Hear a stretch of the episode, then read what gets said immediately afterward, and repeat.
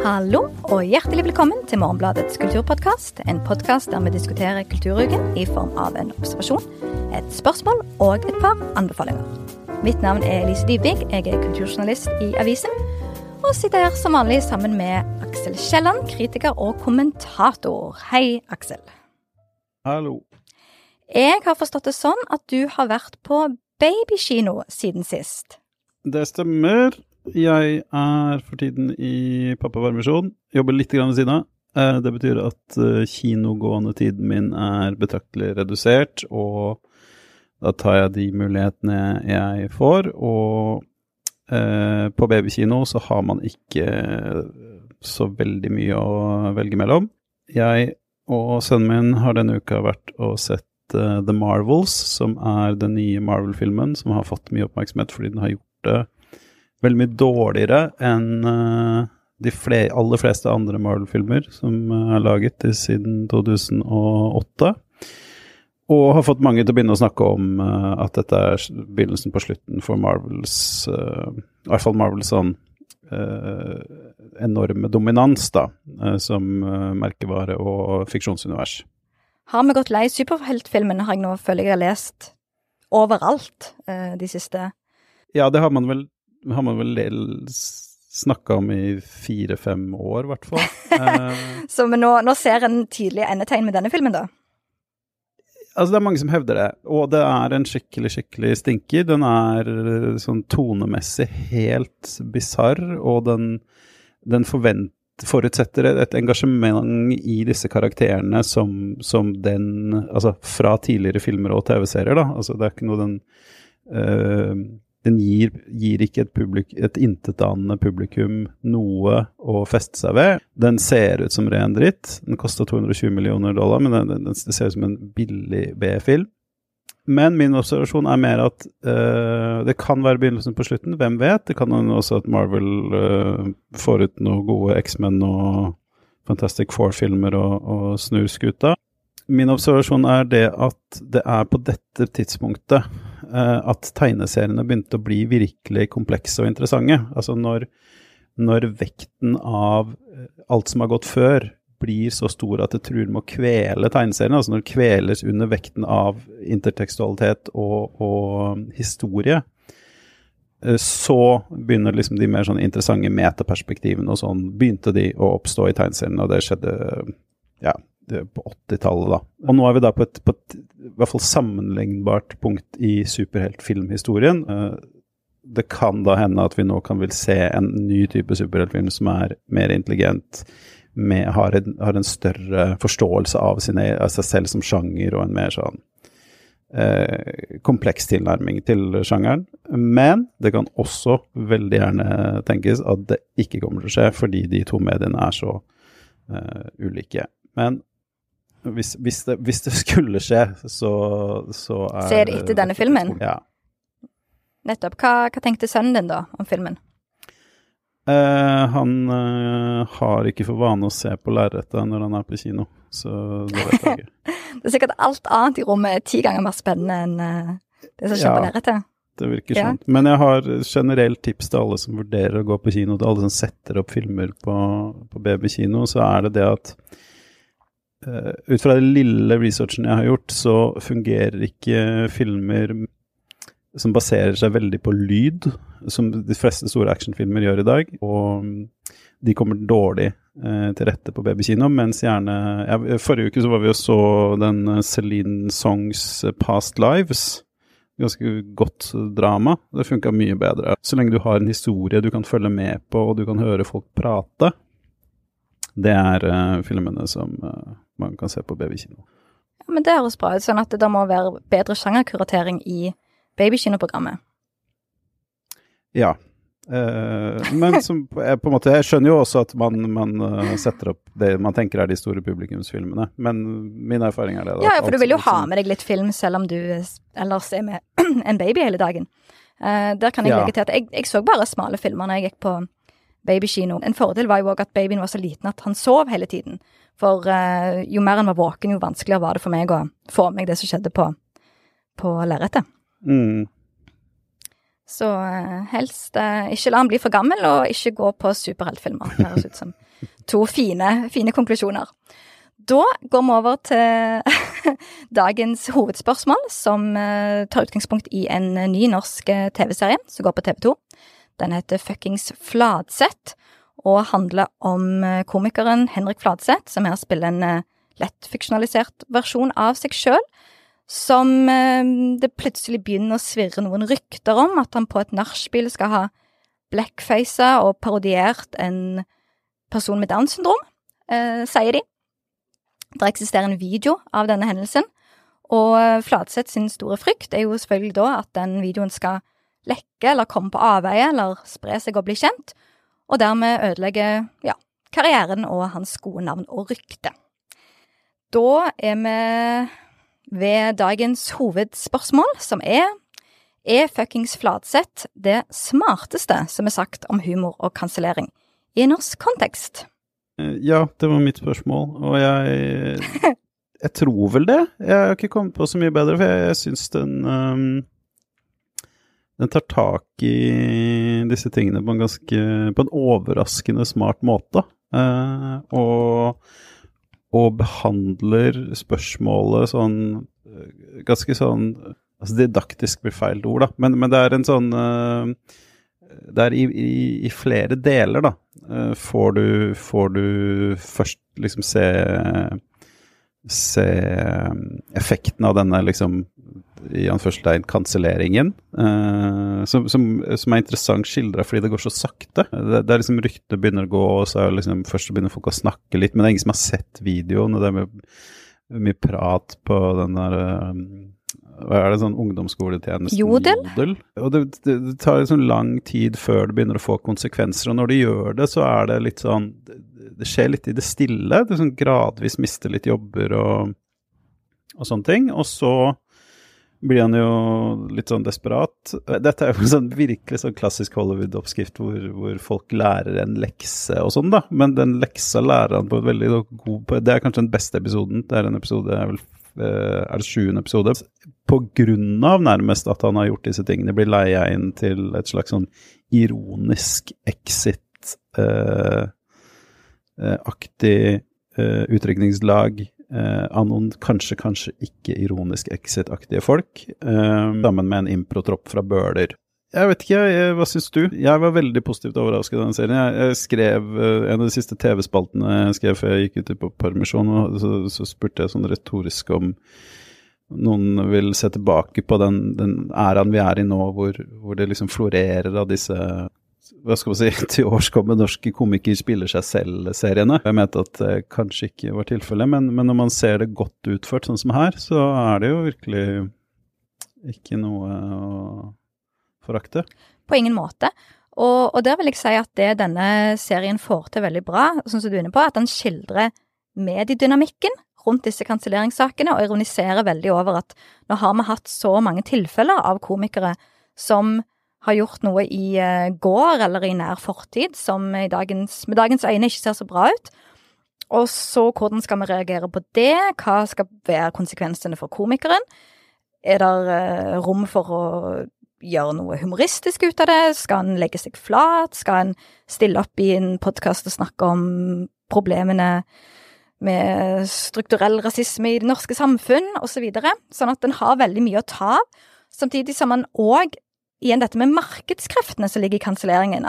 For det er et spørsmål som kommer igjen. dette med hvem, hvem er det som kansellerer? Hvor er det kanselleringsdrivkraften kommer fra? Og sånn som du er inne på, at det er jo gjerne i et slags kommersielt aspekt. At ingen vil jo assosieres med en komiker som har havna i det ikke så gode selskap, og dermed trekker bokprosjekter og ja, oppdrag rett og slett fordi at en ikke vil Selskapet frykter for sitt eget ja, gode navn og rykte. Blir et merkevare Rett og slett.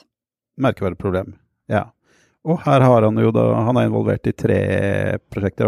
Da han skal spille i en oppsetning av Lille Eyolf på Nationaltheatret. Han skal eh, utgi en eh, grise... En svinekjøttfokusert eh, kokebok eh, på Gyllendal. Sammen med Nortur. Nortura, er det Nortura ja. Ja. Eh, Sponsa. og han spiller en dataanimert gås i en sånn betting-reklame. Og så ser man da det, disse liksom spiller opp. Uh, så bør det også, uh, også skytes inn her at serien er morsom, da, når vi begynner å snakke Altså all sånn der kanselleringsprat er så jævla umorsomt. Og all sånn humorprat er så utrolig umorsomt, men dette er en morsom serie. Når humor der, der det ikke er strengt tatt det er nødvendig, sånn som alle disse prosjektene han er med i, er veldig morsomme. Uh, det er mye sånn Altså Det er en så stolt tradisjon i filmhistorien det der med liksom de, de, falske reklamene i alt fra sånn Robocop til Mandy, hvor du har sånne bisarre fenomener som, som, liksom skyter inn, og som bare er egentlig bakgrunnsstøy, da. Eh, som den her følger opp veldig bra. Denne uken så har jeg eh, intervjua Henrik Flatseth om serien, og det var et par ting han sa i det intervjuet som for min del var veldig forklarende til hvorfor serien har, uh, har blitt så bra som den har blitt. Um, en ting som var veldig viktig for da Fladseth og Øyvind Holtmoen og Steinar Klaumann Hallert, som har lagd serien, er at de var visstnok veldig opptatt av at hver scene skal være morsom. Um, og det gjennomsyrer òg veldig mye i serien at det jeg føler har vært et problem i norsk humor de siste ti årene, er at den har vært veldig eh, betatt av humordramaet som, som, som, sjanger, og en måte å egentlig lande, lande serier som verken er særlig morsomme eller har særlig mye alvor i seg, men det blir en sånn eh, vanskelig sjangerspagat. Mens her, selv om det absolutt er fokus på en veldig sånn fin form for læring, eh, sånn som du er inne på, Aksel, i tillegg til at en, en prøver jo å belyse og tematisere noe som liksom går flere runder i norsk offentlighet jevnlig, nesten annenhver måned, så er trykket på det humoristiske snarere enn hvordan skal vi nå treffe riktig innholdsmessig hele tiden. Og det føles veldig forfriskende, for det har vært lite ren humor i norsk humordrama de siste årene. Er, som du sier, altså når, når man har den blandingen, så, så blir hum... Altså alvoret blir en uh, unnskyldning for å ikke være morsom, og humoren blir en uh, unnskyldning for ikke å være god dramatisk, da. Ofte så, kan, så reddes liksom prosjektet inn og at man har en eller annen uh, edel tanke om å snakke om noe viktig. Mens her er det Altså, du skulle jo tro at det var første bud når man lagde TV-humor. At det skal være morsomt, og at det skal være gjennomgående morsomt, og at det skal være mer enn morsomt nok. Det er utrolig mange norske eh, humorserier som er liksom morsomt nok. At det, det, til, det forsvarer å, å, sende det, men liksom, ikke til at noen kan forventes å være noe særlig entusiastisk over det. Så det, det, er veldig bra, og det er jo noe sånn Det blir jo noen litt sånn følete scener her på slutten, men det er liksom befriende eh, få av de. Ja. Veldig Jeg vet ikke. Det er lenge siden jeg har blitt så positivt overraska over uh, en serie som tar opp noe, noe viktig med stor V? En ting jeg tenkte på underveis i å se denne serien, var om det ikke var et spørsmål om tid før denne serien ville dukke opp. Og så tenkte jeg på et prosjekt som Atle Antonsen hadde inne hos eh, Norsk Filminstitutt tidligere i år. For han søkte nemlig på støtte til å skrive et manus til en film som het Blackface. Og VG eh, i sin sak om at han da fikk avslag, hadde med et lite sånn utsnitt av hva hva denne, denne filmen skulle handle om. Og det er da dette. Den skandaliserte stjernen mister alt og mottar nasjonens kollektive fordømmelse etter et blackface-innslag han framfører i sitt eget TV-program. En dannelsesreise med storebroren skal endre alt. Så ble det jo ikke da en uh, blackface-film signert Atlantensen, men du har denne.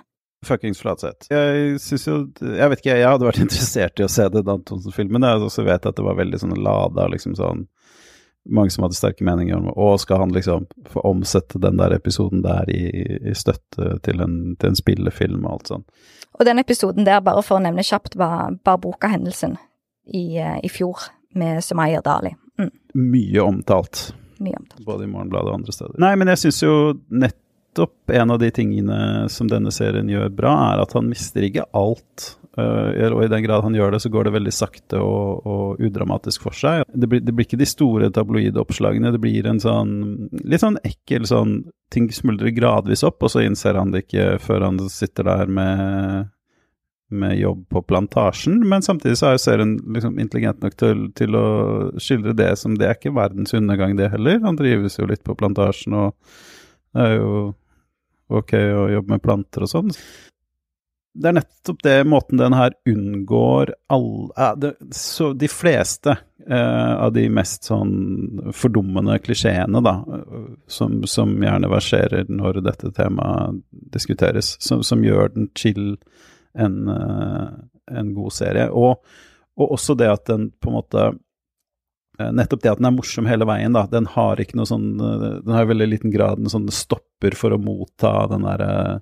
langsomme applausen eh, som denne type serier ofte er lagd for å utløse. Og for å ta det hvem som har lagd denne, eller hvem som står i sentrum av serien, så har du da dette komiker, Henrik Fladseth, som i motsetning til disse andre, Atlantensen, Espen Eckbo, Tore Sagen, for en yngre, yngre komiker, yngre generasjon, det er et poeng. Men han, i eh, motsetning til de, har jo ikke stått i en sånn klassisk Oi, der gjorde denne kjente komikeren noe rasistisk type. Men at det er han som lager denne serien, eller hva, hva kan vi si om Henrik Fladseth som komiker og i denne serien? er, det, er det spørsmålet hvem har rett til å fortelle den kansellertes historie? Uh, ja, kanskje det er det. nei, jeg vet ikke. Kanskje det Altså, de som har blitt utsatt for det, har nok uh, innsikter i det som ikke andre har, men samtidig så kanskje de også har flere høner å plukke som kan, som kan uh, Som ikke nødvendigvis er uh, gunstige for selve filmen eller serien de vil lage, da. Så jeg, jeg syns ikke det er, det er ikke noe problem her at, at han ikke har den erfaringen, eller at vi vet at han har den erfaringen. Men jeg må si at det, dette er en serie hvor uh, veldig mange norske komikere spiller seg selv. Alle av de som er lista opp på rollelista på slutten på rulleteksten, de figurerer under sitt eget fornavn, og da begynner man umiddelbart å lure på de figurene som er fiktive, som spilles av skuespillere med andre navn er det basert på noe ekte? Så det, blir, du, du, det drar umiddelbart i gang, i hvert fall hos meg, en sånn spekulasjon om har det skjedd noe her som eh, de vil fortelle om i sånn fordekte former. Jeg vet ikke hva du hadde samme reaksjon? Nei, jeg tenkte faktisk mer at det at den personen som sitter på denne videoen, og som, sånn som du sier, kanskje hinter om en eh, komikerkollega med ufin, usmakelig oppførsel, er en måte òg å kjøpe seg fri fra at den som satt på videoen, var noen som faktisk følte seg um, tråkka på eller krenka med denne blackface, Downs syndrom-parodien, da. Så det snakkes mye om. At ved at en komikerkollega med litt eh, mystiske motiver kanskje liksom vil ta, ta plassen hans på humorscenen, for eksempel, framfor at det er en ung, søt humorspire som eh, er på dette nachspielet med komikere, og så opplever noe skikkelig kjipt, og så dagen etterpå sitter og tenker hm, skal jeg gå til VG med denne videoen? Det hadde blitt en helt annen serie, sånn at du slipper å ta stilling til å se saken fra um, den anklagets sitt perspektiv eller um, offerets perspektiv, ved at du heller skildrer ja, medielogikken og, og markedskreftene som svirrer rundt disse tingene. Ja, og så skal det sies at gjentatte ganger så, så han uh, hovedpersonen selv Han husker ikke helt at han har gjort det, men han har en idé om at grunnen til at han gjorde det, var at han ville lage en slags sånn uh, satire. Han ville lage en figur uh, hva er det han sier? Jeg husker ikke hva han sier, men det er et eller annet at hvis, hvis, all, Han har en slags idé om at hvis du krenker flest mulig ja så kan ingen, så blir ingen krenka. Altså at han skal gjøre seg til en slags sånn der eh, superminoritet, da. Alle, han har alt på en gang. Og så blir det da kanskje det blir jo spurt ja, men du stoppa med to, eh, og så, så, pirkes det ikke veldig mye mer i det. Men, men det er jo en sånn der idé om at uh, han hadde en Han husker ikke å ha gjort det, men han hadde en idé om at hvis han gjorde det, så var det sikkert en eller annen tanke bak. Som jeg tror uh, jeg vet ikke, Det er jo det store spørsmålet når det kommer til sånn humor og uh, såkalt kansellering i vår tid. Da er det der med uh, den, den, følelsen av at vi lever plutselig i en tid, plutselig for noen, selvfølgelig for andre, hvor kan ikke, man kan ikke forvente at folk skal skjønne ironien lenger.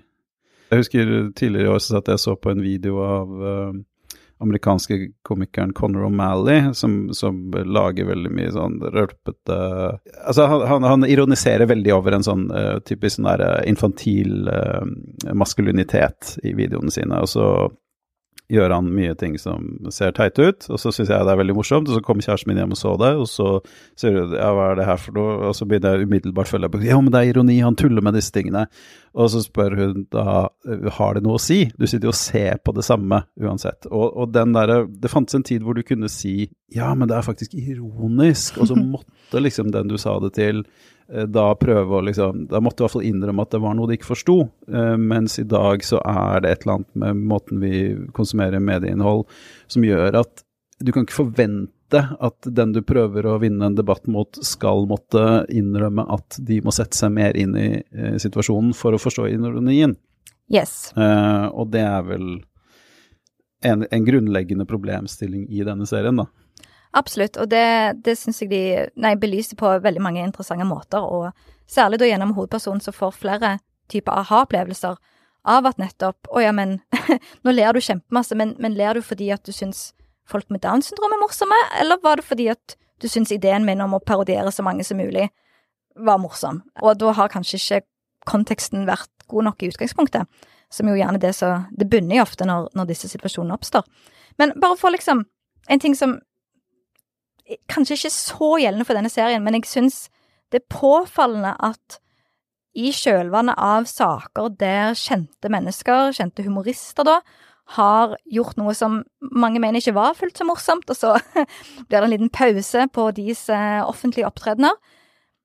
Så kommer de tilbake, og så får vi deres versjon, og så er mediene jo kjempeinteressert i å sånn så i denne serien, sette seg ned med komikeren som har blitt kansellert, og hvordan var det, hva, hva starta det med, angrer du? Hvorfor er vi så utrolig opphengte i det vi da, det er jo ikke en rettssak, men kan kalle den tiltalte, mens hvem nå enn er fornærma i dette, er vi ikke så gira på å se serien om, og i hvert fall ikke le av. Nei, eller le med. Uh, uh, nei, jeg tenkte en del på dette nå i siste, og jeg tror at litt sånn som det vi snakket om i forrige episode, om at uh, det er blitt vanligere og vanligere å forstå seg selv som en eller annen eh, merkevare. Altså man har en sånn væren i Man har en tilstedeværelse i sosiale medier, og kanskje også uh, ordinære medier, hvor man får et sånn uh, bedriftsperspektiv på seg selv. Se på seg selv som en, en merkevare og en aktør som, som uh, påvirkes av de uh, liksom naturlovene, eller hva man skal kalle det, uh, da er det veldig naturlig at den derre frykten for at noen skulle finne på å plutselig ikke ville ha noe med den merkevaren å gjøre lenger, at det blir en sånn samfunnsnevrose. Det er jo den der målrettede boikottingen av den, den ene aktøren jeg, jeg, tror det stikker dypere enn det enn at man tar eh, rasisten eller eh, misogynisten eller liksom den, den eh, taktløses eh, parti automatisk. Jeg tror det har et eller annet med en sånn der grunnleggende frykt uh, knytta til det der, og at alle er i media og, og blir fryst ut av det, er, er jo da liksom uh, er jo som å ikke eksistere, på en måte. Så jeg tror det stikker dypere enn det frykten for å miste penger, frykten for å det, det er en sånn sårbarhet som har oppstått med eh, de nye mediene, er min teori. Det syns jeg var kjempespennende. Og så, når jeg snakket med Henrik Fladseth om akkurat dette, så syns jeg òg han hadde et veldig godt poeng som går kanskje litt på det, siste du sa der, Aksel, at eh, vi er òg veldig interessert i fall. Eller det er noe veldig dramaturgisk, klassisk spennende med et stort fall. Og om det er Romerriket som faller, eller om det er Harry Weinstein, så så er den skildringen, veien til toppen og fallet til bunnen, noe en ikke kan helt um, En vil gjerne se det utspilt i film og TV. Og jeg tenker at det er det samme når, når film og TV i så stor grad Det har jeg liksom utallige sånne manusworkshops, at du må ha en hovedperson som vil noe. Og du vil kanskje til toppen av humorpyramiden, men du vil ikke Du vil ikke bli trakassert og utsatt for noe fælt av en kjent komiker. Sånn at på den måten så er det vanskelig, tenker jeg, òg å gjøre Å gjøre den opplevelsen som ikke Det er noe du har villet. Ja, men det er en forskjell, da, at den, den, tingen vi snakker om nå, det er en historie, mens det andre er en mm. kjip episode, som regel. Mm. Altså, eh, det å være den personen som sier noe liksom i galt, liksom i, i fellesskapets øyne, og som da må ta konsekvensen av det, det er en historie, det er en fortelling, mens uh, det å bli utsatt for noe et sted, altså Det kan være et vendepunkt, da, eller som i denne situasjonen, så ville det jo vært da at noen så en video og ble uh, krenka eller, eller uh, indignert. Altså, det er ikke en historie. Så det er noe med, med, Men burde det bli en historie? Det kan hende, men det er, det, er, det er, ikke så lett å si hvordan det skal gjøres. Altså, altså det, intuitivt sett så er det vanskeligere å skrive den uh, historien, mens alle kan på en måte se for seg hvordan man, man skriver den andre. Ja, det er det jeg tenker. At uh, her er det en, en, mal for den første, der det er et fravær av ja, et mønster å følge. Så det må liksom finnes opp fra bunnen av. Og, og vil være mye mer krevende hvis en skal prøve seg på noe sånt. Jeg syns en av de tingene serien gjør, er, som er interessante, er måten den starter ut med hvordan den skildrer Fladseth i starten. Da er han Han er litt, litt sånn høylytt, uh, litt smått brautende, jovial type som vil uh, Liker å henge med standup-vennene, liker å tjene penger, liker å gjøre prosjekter, liker at karrieren går framover. Men han er liksom han er en ganske sånn eller hva skal man si, endimensjonal karakter. Da. Det, det, det, er vanskelig å se for seg at han har noe som helst politisk eller sosialt engasjement eller noen interesser eh, utover å konsumere liksom de til enhver tid eh, mest populære produktene innen kategoriene digg og chill. Og han har den litt sånn eh, tålmodig, overbærende, stille, lidende kjærestefiguren som man ofte ser i sånne serier, som, som man tilsynelatende ikke har noe særlig interesse for, annet enn som, som et slags publikum på, på hjemmebane.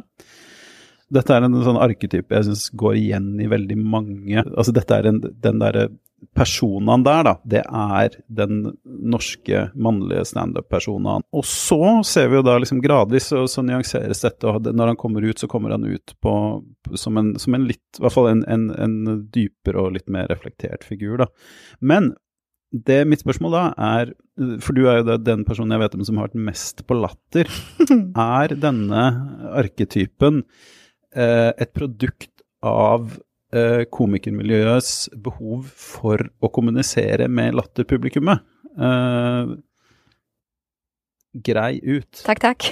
Latter er jo da denne kommersielle, svære humorscenen i Oslo. Ja, eller det var, det var, noe som slo meg egentlig når jeg jobbet med den 90-talls-humorsaken og tidligere, der jeg intervjua noen av de uh, sammen med min kollega Ingrid Aam. Um, folk som var store på 90-tallet, og som er fortsatt store i dag. At for alt snakket når det gjelder om komikerrollen, om at å, vi bryter tabuer, og vi eh, sparker opp dører, alle vil helst skal bare være eh, stengt igjen, og så videre, så handler jo komikeryrket i veldig stor grad om å bli likt, og skikkelig godt likt. Og du kan stå på mange klubb, smale klubbscener rundt omkring, men det som gjør at du kan leve på komikeryrket, er jo gjerne eh, betalte jobber, det er firmaoppdrag, det er reklamer, det er Du kommer på talkshow og Lindmo og så videre, og der kan du ikke være en ingen helt vet hvordan de skal forholde seg til. sånn at mer enn en den der som sparker oppover og ti ganger mer utfordrende enn politikerne, så er det det at komikerrollen skal en overleve i hverdagen, så må du bli godt likt, og da kan du ikke tillate en skandale som impliserer at du er ikke så grei som du gir uttrykk for.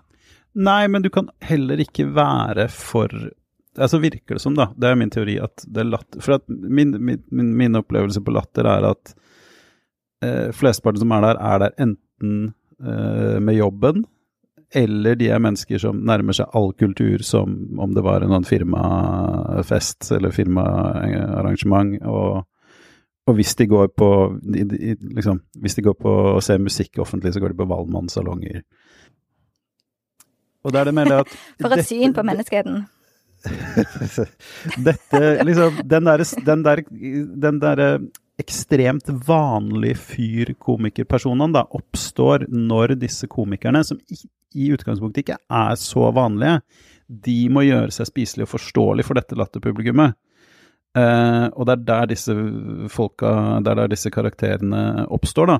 Og så uh, har jeg da en følelse og et håp om at når du da har uh, Altså Njø scene, den scenen på Torshov i Oslo, har blitt, som jeg står veldig sentralt i denne serien, og som, som, har blitt en premissleverandør for veldig mye av den nye norske humoren og de nye norske komikerne den vil ha en uh, gunstig effekt da, på denne, uh, denne, arketypen, fordi der har du et annet publikum. Uh, jeg pleide å bo over gata der.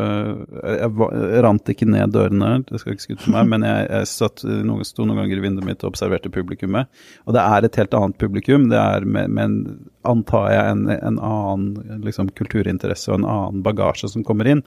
Jeg vet ikke, jeg tror det er noe i det, at vi vil se en, en annen uh, type norsk humor uh, Hva skal man si humorskikkelse, når, når man ikke lenger kun må gjøre seg spiselig for latterpublikummet. Det er et veldig interessant poeng, og det tror jeg stemmer. Og så tror jeg òg at det handler litt om at en er så nå lei av å diskutere om en vits er innenfor og ikke. At en vil ha andre typer vitser og en humor, sånn som i fuckings Fladseth, som er interessert i å ja, som kan bygge litt på at det allerede finnes en humorforståelse der ute, og folk er interessert i andre aspekter enn om dette skal være lov eller ikke. Og fra det så går vi på anbefalinger. Aksel, hva vil du trekke frem? Denne uka så vil jeg trekke frem en uh, ny bok av uh, Vanessa Baird, den norske billedkunstneren. Uh, hun utga i 2020 en, en bok en billedbok, kanskje du kan kalle det en tegneserie, som heter There's No Place Like Home. Uh, var vel den beste koronaboka jeg uh, har lest. Handler om uh, Skildrer henne som bor hjemme sammen med tenåringsbarn og en gammel mor. Nå har hun laget en ny en som heter I Get Along Without You Very Well. Altså det er en slags oppfølger, uh, hvor den første da skildrer liksom hvilket helvete det er å bo tett sammen med familien sin. Så skildrer denne hvilket helvete det er når man bor helt alene. Det er en veldig fin og grotesk og stemningsfull og ja, fascinerende bok. Så fint. Jeg har da tenkt at hvis jeg begynner å strikke nå, så kan jeg kanskje klare å strikke en julegave eller to til noen, men da må jeg begynne i øyeblikket denne episoden er ferdig. Kanskje helst når jeg kommer fra jobb, ikke begynne i arbeidstiden. Men da er det ikke et bedre sted å gå enn til Nasjonalbiblioteket sitt digitale arkiv med strikke og veve og hekle og broderioppskrifter. Og da er det særlig én bok som jeg har um, bitt meg merke i. Vi kan jo lenke til denne siden i uh, episodebeskrivelsen. Men da er det altså en bok som heter Lær meg å strikke innføring i strikking metodisk oppgavesamling av ei som heter Tone Takle, og den ble utgitt på Høyskoleforlaget i 1999. Det er et lite avsnitt jeg tenkte jeg skulle lese opp som en avslutning, fordi at det tenker jeg er ja, flott sagt. Og det er da på side 156 så står det Lær håndverket og bli selvstendig. Det finnes ikke snarveier på veien mot å bli en selvstendig strikkeplaggformgiver. Du kan bytte ut med hva enn annet du vil. Kunnskap frigjør, og i lengden sparer man tid ved å lære seg håndverket skikkelig. Det er mulig å lage noe fint på slump, men sjansene for å kaste bort tiden på noe mislykka er òg store. Så jeg tenkte at med de ordene så eh, takker vi for oss, og sier tusen takk til produsent Kristina Aas, og at ansvarlig redaktør er Sunn Heidi Sæbø. Vi snakkes!